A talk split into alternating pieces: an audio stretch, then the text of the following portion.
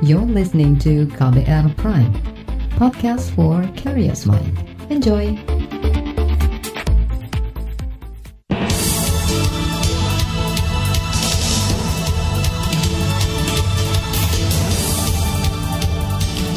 Selamat pagi saudara, senang sekali kami bisa menyapa Anda kembali melalui program Buletin Pagi untuk edisi Kamis 16 Juli 2020. Bersama saya Agus Lukman, kami telah menyiapkan sejumlah informasi pilihan di antaranya anggaran perjalanan dinas pejabat saat pandemi dinilai janggal dan pemborosan. Polri mencopot perwira tinggi yang membuat surat jalan untuk Joko Chandra. Surabaya mendominasi transmisi lokal COVID-19. Inilah buletin pagi selengkapnya. Terbaru di buletin pagi. Saudara Kementerian Koordinator Bidang Kemaritiman dan Investasi mengeluarkan surat edaran mengenai realisasi perjalanan dinas dan rapat dinas ke destinasi wisata di Indonesia.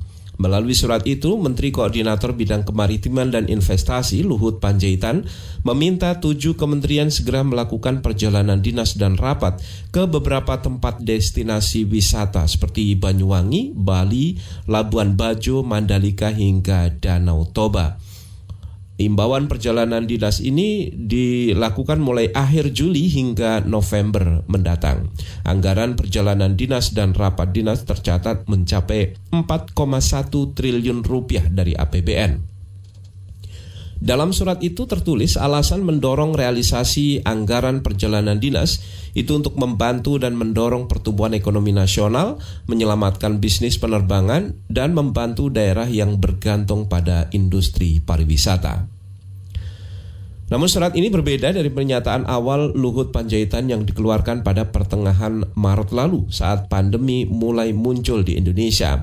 Saat itu Luhut mengatakan perjalanan dinas akan dialihkan langsung untuk membantu rakyat agar kegiatan ekonomi mereka bisa terus berjalan sesuai perintah Presiden Joko Widodo. Saat itu Luhut mengatakan dana perjalanan dinas semestinya dialihkan lantaran dampak virus corona COVID-19 telah membatasi akses dunia. Menanggapi ini, Komisi Keuangan DPR menilai upaya pemerintah untuk menggenjot industri penerbangan dengan perjalanan dinas ke tujuh destinasi wisata merupakan keputusan janggal dan pemborosan. Anggota Komisi Bidang Keuangan DPR Didi Samsudin beralasan pemerintah seharusnya memprioritaskan pembenahan masalah utama untuk melandaikan kurva penyebaran COVID-19. Politisi dari Partai Demokrat ini mengatakan anggaran perjalanan dinas sebesar 4,1 triliun rupiah lebih baik dialihkan ke bantuan sosial masyarakat seperti bantuan langsung tunai atau paket sembako untuk meringankan beban masyarakat yang terdampak pandemi COVID-19 yang paling utama itu bagaimana biaya murah yang namanya rapid test ataupun pemeriksaan kesehatan lainnya. Jangan itu jadi lebih mahal dari biaya naik kereta misalnya ya atau biaya angkutan umum yang lainnya ya. Jadi eh, sangat janggal apa yang dikatakan oleh yang idenya Pak Luhut ini gitu ya. Justru kami DPR aja perjalanan dinas kami seminim mungkin dilakukan Anggota Komisi Bidang Keuangan DPR Didi Irawadi Samsudin menambahkan mekanisme bantuan yang dapat pemerintah lakukan untuk industri penerbangan adalah dengan mensubsidi ongkos pemeriksaan COVID-19 bagi calon penumpang. Didi menyarankan pemerintah untuk lebih memikirkan jaminan ketahanan pangan nasional yang ristan terganggu ketersediaannya selama pandemi COVID-19 saat ini. Sementara saudara pengamat penerbangan Al Alvin Lee menilai kebijakan pemerintah menganggarkan 4,1 triliun rupiah untuk perjalanan dinas pejabat demi menggenjot industri penerbangan tidak tepat. Apalagi anggaran di sektor-sektor penting sedari awal pandemi COVID-19 justru dipangkas signifikan. Alvin Lee juga mempertanyakan niat Menteri Koordinator Bidang Kemaritiman dan Investasi menganggarkan biaya perjalanan dinas itu apakah untuk memperbaiki kinerja pelayanan publik atau meningkatkan efektivitas pelayanan pemerintah atau berwisata dengan biaya negara. Ya tentunya uh, akan lebih baik 4 triliun itu dikembalikan ke masing-masing lembaga, kementerian untuk memulihkan eh, program-program uh, yang kemarin ini dikeras habis itu. Itu lebih penting daripada memaksakan misalnya rapat kerja di daerah-daerah tujuan wisata. Hari ini kok mau wisata itu gimana? Kita saja menghadapi sebaran COVID masih belum mampu mengendalikan. Sekarang ASN mau bepergian ke daerah-daerah tujuan wisata, daerah tujuan wisata tok itu Pengamat penerbangan Alvin Lee yang juga anggota Ombudsman Republik Indonesia mengusulkan pemerintah untuk membantu maskapai penerbangan dengan mempermudah orang yang hendak bepergian, misalnya menghapus syarat rapid test dan syarat surat izin keluar masuk untuk bepergian menggunakan angkutan udara. Kritikan serupa juga dilontarkan peneliti Lembaga Kajian Ekonomi Indef Taufik Ahmad. Direktur Eksekutif Indef Tauhid Ahmad menilai permintaan Menko Maritim dan Investasi Luhut Binsar Panjaitan agar kementerian menggenjot realisasi perjalanan dinas di tengah pandemi itu tidak tepat. Apalagi saat ini penyebaran virus masih meningkat dan jumlah orang yang positif juga terus bertambah. Indef menyarankan anggaran 4,1 triliun rupiah dialokasikan untuk hal lain ketimbang untuk perjalanan dinas di situasi seperti sekarang ini. Eh, akan lebih efektif tadi uh, bantuan sosial ya diberikan kepada pelaku-pelaku industri pariwisata untuk pegawai yang bekerja di sektor pariwisata dan sebagainya. Itu uh, anggaran itu bisa dialihkan lah menurut saya penting. Nah dan harus konsisten. Kalau anggaran perjalanan dinas yang dikurangi ya lebih baik digunakan untuk program-program lain yang ada di KL masing-masing. Kan banyak yang tertunda atau dipotong anggarannya. Nah, lebih baik kembalikan ke situ ketimbang menggunakan anggaran perjalanan dinas di tengah situasi pandemi masih belum selesai. Direktur Eksekutif Lembaga Kajian Ekonomi Indef Taufik Tauhid Ahmad menilai upaya perjalanan dinas pejabat yang disebut Luhut bakal mendongkrak sektor pariwisata dan penerbangan juga belum tentu berhasil karena kasus positif COVID-19 masih tinggi. Tauhid Ahmad menilai cara terbaik untuk meningkatkan sektor pariwisata di masa pandemi adalah dengan menggait wisatawan lokal di daerah tersebut. Saudara neraca perdagangan Indonesia pada Juni 2020 mengalami surplus. Informasi selengkapnya kami hadirkan sesaat lagi tetaplah di Buletin Pagi KBR. You're listening to KBR Pride, podcast for curious mind. Enjoy!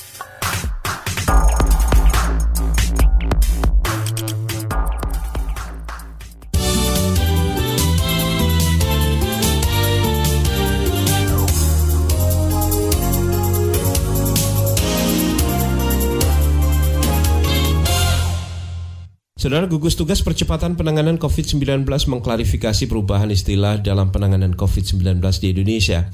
Juru bicara pemerintah untuk percepatan penanganan COVID-19 Ahmad Yuryanto mengatakan, mengikuti perubahan penyebutan itu seluruh kasus yang semula digolongkan sebagai pasien dalam perawatan maka merupakan kasus suspek COVID-19. Kita menyebutkan kasus suspek apabila ada kriteria sebagai berikut, salah satu di antaranya. Yang pertama adalah orang dengan infeksi saluran pernafasan atas, ISPA, yang akut, dan dalam 14 hari terakhir sebelum timbulnya gejala ini, dia melaksanakan perjalanan atau tinggal di satu daerah di mana dilaporkan transmisi lokal terjadi.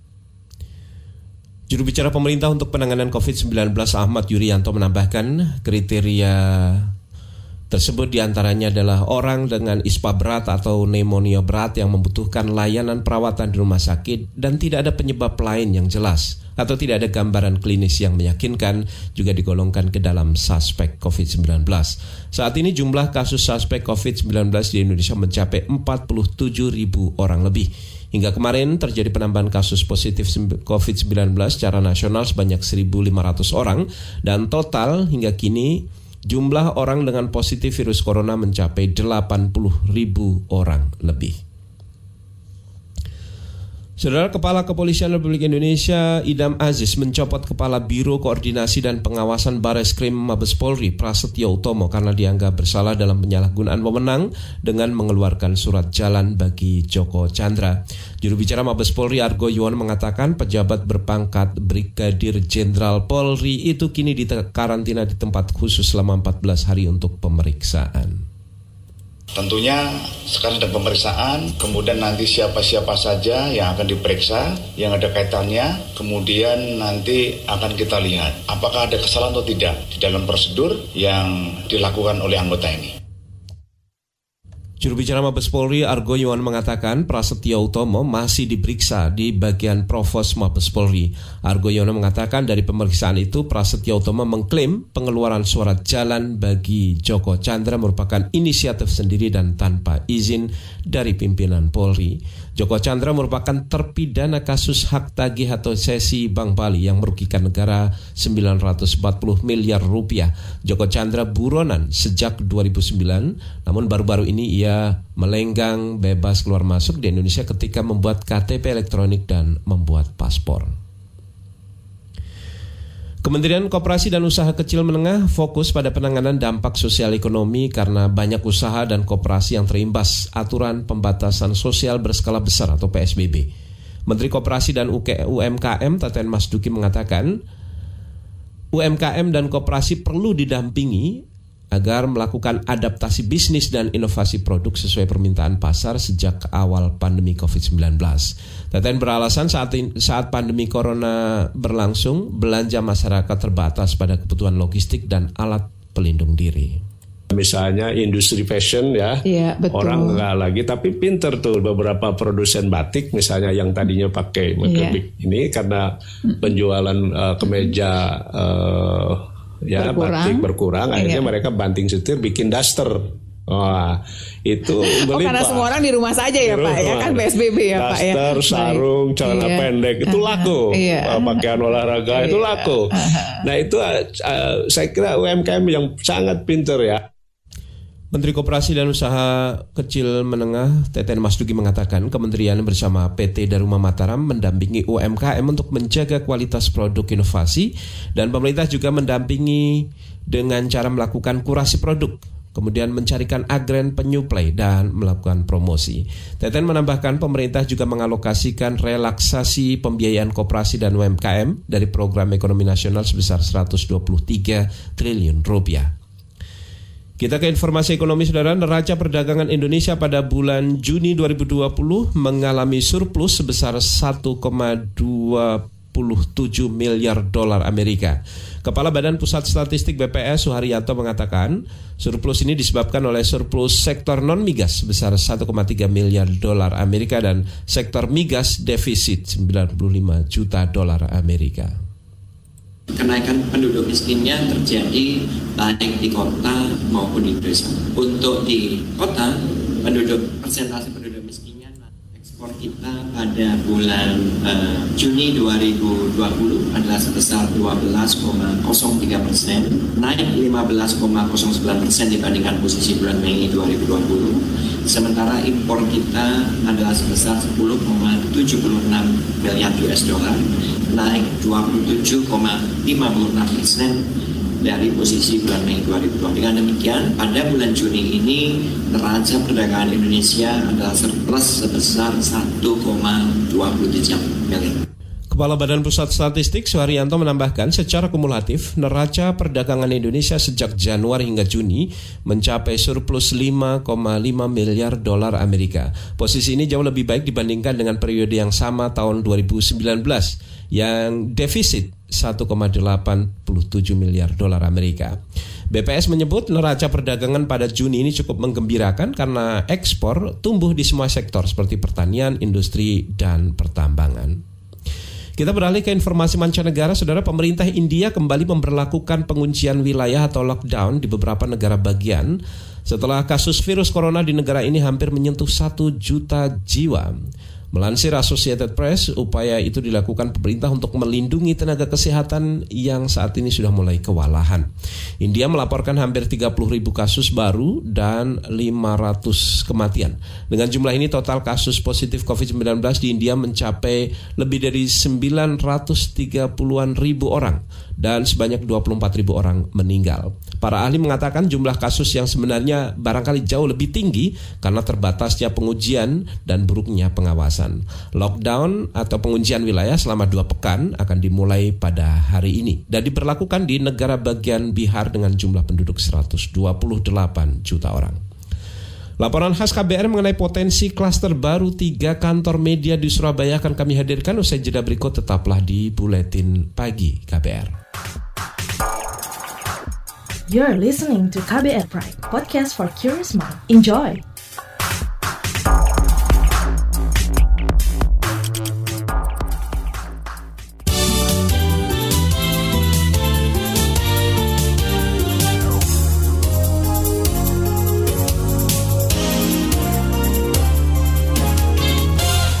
Terima kasih Anda masih bersama kami di Buletin Pagi KBR. Saudara penularan masif COVID-19 di Jawa Timur, khususnya Surabaya, mulai merambat ke kantor-kantor media. Setidaknya ada tiga media yang sudah ada temuan positif COVID-19. Dua media di antaranya milik pemerintah, yaitu TVRI dan RRI. Simak laporan tim KBR yang dibacakan Astri Yuwanasari. Radio Republik Indonesia RRI Surabaya mendadak menjadi sorotan usai beredar temuan 54 karyawan positif COVID-19. Temuan ini berdasarkan hasil tes usap terhadap 138 pegawai yang difasilitasi pemerintah kota Surabaya 26 Juni lalu. Sayangnya hasil tes ini keluar terlalu lama, sekitar 15 hari. RRI Surabaya sempat melakukan karantina atau lockdown usai tes usap pertama. Kepala Lembaga Penyiaran Publik LPP RRI Surabaya Sumarlina. Hasil swab pertama tanggal 26 itu belum keluar. Tapi setelah swab tanggal 27 kami lakukan lockdown sampai dengan tanggal 12 Juli harusnya. Di sela menunggu hasil tes usap pertama, karyawan kemudian melakukan tes usap kedua yang difasilitasi Badan Nasional Penanggulangan Bencana BNPB. Hasilnya keluar lebih cepat dan seluruhnya dinyatakan negatif. Itu sebab RRI Surabaya awalnya berencana beroperasi kembali pada 13 Juli lalu. Di tanggal 6 itu kami melakukan swab dengan dilaksanakan oleh BNPB pakai mobil PCR itu. Tanggal 6 sore sudah mulai terkonfirmasi nih. Tanggal 7 sudah terkonfirmasi semua. Seluruh karyawan itu itu terkonfirmasi semua negatif. Sehingga teman-teman itu mengabaikan hasil swab pertama gitu. Karena di swab kedua sudah negatif. Otomatis kami sudah bersemangat lagi untuk menyiapkan siaran di tanggal 13. Karena lockdown kami sampai tanggal 12. Namun rencana itu batal setelah keluar hasil tes usap pertama yang menyatakan 54 karyawan positif mengidap virus corona. RRI Surabaya kemudian memperpanjang masa lockdown hingga beberapa pekan ke depan sembari melaksanakan tes usap ketiga. Sumarlina mengklaim seluruh karyawan yang positif COVID saat ini dalam kondisi sehat. Yang 54 orang itu kami lakukan swab lagi Akhirnya langkah kami berikutnya langsung kami umumkan ke seluruh karyawan lockdown dilanjutkan. Hmm. Jadi lockdown itu seluruh karyawan WFH di rumah, tetapi siaran kami tetap melangsungkan siaran. Program 1, program 2, program 4 bergabung merelay Pro 3 RRI. Sementara itu, gugus tugas penanganan COVID-19 Jawa Timur menerjunkan tim untuk melacak riwayat kontak pasien positif dari klaster RRI. Ketua Tim Tracking Gugus Tugas, Kohar Harisantoso mengatakan proses pelacakan tak mudah karena keluarga atau tetangga yang sempat kontak ada yang berada di luar Surabaya. Nah nanti kita termasuk bukan cuma di tempat kerja aja, dari aktivitas, rumahnya, kemudian kegiatan yang lain itu kan harus di Dan karena domisilinya ada yang Surabaya, ada yang luar kota, nah, nanti dikomunikasikan dengan teman dari Dinkes Kabupaten Kota yang terkait. Selain RRI, televisi milik pemerintah TVRI Surabaya juga berpotensi menjadi klaster baru. Kekhawatiran ini menguat sejak dua karyawan meninggal dunia dan terindikasi COVID-19. Manajemen TVRI kemudian melakukan tes cepat kepada 180 pegawai, 6 dinyatakan reaktif. Usai dites usap, hasilnya satu orang positif COVID-19. Alhasil kantor TVRI Surabaya harus di lockdown selama 14 hari. Kepala Stasiun TVRI Jawa Timur Akbar Sahidi kemudian memerintahkan penyemprotan disinfektan pada Minggu dan Senin sebagai protokol cegah penularan virus. Penyemprotan juga sudah, terutama di ruang-ruang yang ruang kerja almarhum dua orang ini dan yang terindikasi positif COVID. Imbas lockdown, seluruh aktivitas TVRI Surabaya lumpuh. Hanya petugas bagian administrasi dan keuangan saja yang masuk dengan menerapkan protokol kesehatan ketat. Untuk sementara ini TVRI Surabaya menayangkan siaran program dari pusat. Menurut Akbar, sulit menelusuri asal penyebaran COVID di TVRI Surabaya. Pasalnya, seluruh karyawan yang positif bekerja di dalam ruangan. Ia menduga penularan terjadi dari lingkungan sehari-hari para pegawai. Rasanya sulit ya, karena mereka tidak berinteraksi dengan luar, jadi kemungkinan di lingkungan, karena mereka bukan berada di front line yang berhubungan dengan orang lain, tidak, mereka hanya di ruangan. Akbar mulai cemas adanya pemberitaan soal karyawan TVRI positif COVID bakal memicu stigma di masyarakat. Itu sebab ia berencana membekali surat keterangan bebas COVID bagi karyawan yang hasil rapid testnya negatif. Akbar juga sudah berkoordinasi dengan gugus tugas untuk menggelar tes usap berikutnya sebelum tanggal 27 Juli. Ketika ini menjadi pemberitaan maka semacam ada ya penolakan-penolakan terhadap karyawan TVRI maka saya buatkan semacam daftar list bahwa yang bersangkutan ini sudah dilakukan rapid dan hasilnya negatif. Supaya itu bisa kita kirim ke personal-personal supaya menjadi pegangan untuk jangan sampai dikucilkan, jangan sampai tidak diterima. Demikian laporan tim KBR, saya Astri Yuwanasari. Saudara informasi dari daerah akan kami hadirkan sesaat lagi tetaplah di Buletin Pagi. You're listening to KBR Pride, podcast for curious mind. Enjoy!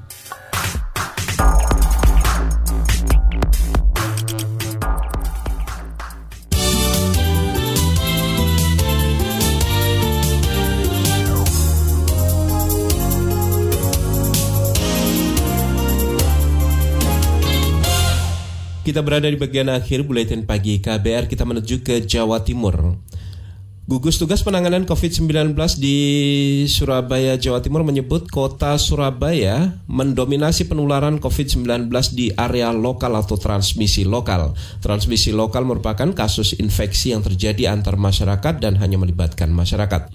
Anggota tim pakar Gugus Tugas Penanganan COVID-19 Dewi Nur Aisyah mengatakan penularan lokal ini jarang disadari namun cepat menyebar terkait dengan analisis data klaster yang yeah. ada di Jawa Timur. Ini per tanggal 7 Juli yeah. 2020 total ada 141 klaster dengan total 2004 kasus di Jawa Timur. Klasternya ada banyak dan yeah. ini berasal dari macam-macam. Di sini kita bisa lihat kalau dari jumlah kasus paling yeah. banyak ini lokal transmisi. Artinya adalah di sebuah kelompok masyarakat mm. itu sekelompok orang dalam satu wilayah area yang sama tiba-tiba positif. Mereka nggak mm. ada riwayat berpergian. Di tim pakar gugus tugas penanganan COVID-19, Dewi Nur Aisyah meminta pemerintah daerah dan masyarakat lebih waspada, terutama di kota Surabaya karena laju penularan dan angka kematiannya masih cukup tinggi. Bergeser ke Jawa Barat, saudara pemerintah Jawa Barat akan memperlakukan sanksi bagi pelanggar protokol kesehatan. Gubernur Jawa Barat Ridwan Kamil mengatakan sanksi ini akan diterapkan dalam waktu dekat di provinsi itu dan akan dibuatkan sebuah aturan khusus dari Presiden diapresiasi oleh Presiden karena duluan berinisiatif mewacanakan sanksi. Nah, Pak Presiden sedang menyiapkan namanya Inpres, instruksi Presiden untuk sebagai penguatan dasar hukum untuk sanksi. Misalnya tadi ke Jawa Barat berapa? Kita bilang 100 ribu sampai 150 ribu. Ya nanti diperkuat oleh Inpres yang mudah-mudahan minggu ini keluar karena Jawa Barat denda tidak pakai masker ya di ruang publik kecuali pidato, kecuali makan dan lain-lain itu di tanggal 27.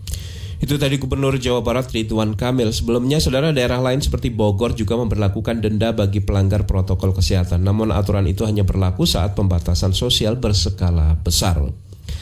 Bergeser ke Jawa Tengah, saudara pemerintah Provinsi Jawa Tengah mengklaim nelayan budidaya lobster di provinsi itu mendapat jatah kuota ekspor sebanyak 1.500 ekor. Kepala Dinas Kelautan dan Perikanan Jawa Tengah, Vendiawan mengatakan untuk mendapatkan jatah ekspor benih lobster, nelayan harus membentuk kelompok usaha bersama sebagai syarat. Ya kalau di lobster di Jawa Tengah ini kan sentralnya ada di pantai selatan ya, dan Cilacap, kemudian Purworejo, Kebumen, okay. Dan ikan tangkap. Dan selama ini yang kita layani memang mengikuti aturan tersebut. Kepala Dinas Kelautan dan Perikanan Jawa Tengah Fendiawan menambahkan aturan pembuatan eh, kelompok usaha bersama ini berdasarkan peraturan Menteri Kelautan dan Perikanan tentang pengelolaan lobster, rajungan, dan kepiting di Indonesia. Penghasilan lobster besar di terbesar di Jawa Tengah ada di pantai selatan dengan jenis lobster mutiara dan lobster pasir. Informasi tadi saudara menutup jumpa kita di Buletin Pagi hari ini. Pantau terus informasi terbaru melalui kabar baru, melalui situs kbr.id, Twitter kami di akun @beritaKBR serta podcast melalui kbrprime.id. Akhirnya saya Agus Lukman, kami undur diri. Salam.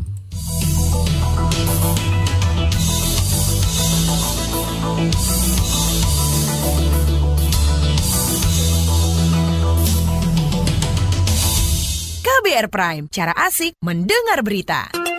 KBR Prime, podcast for curious mind.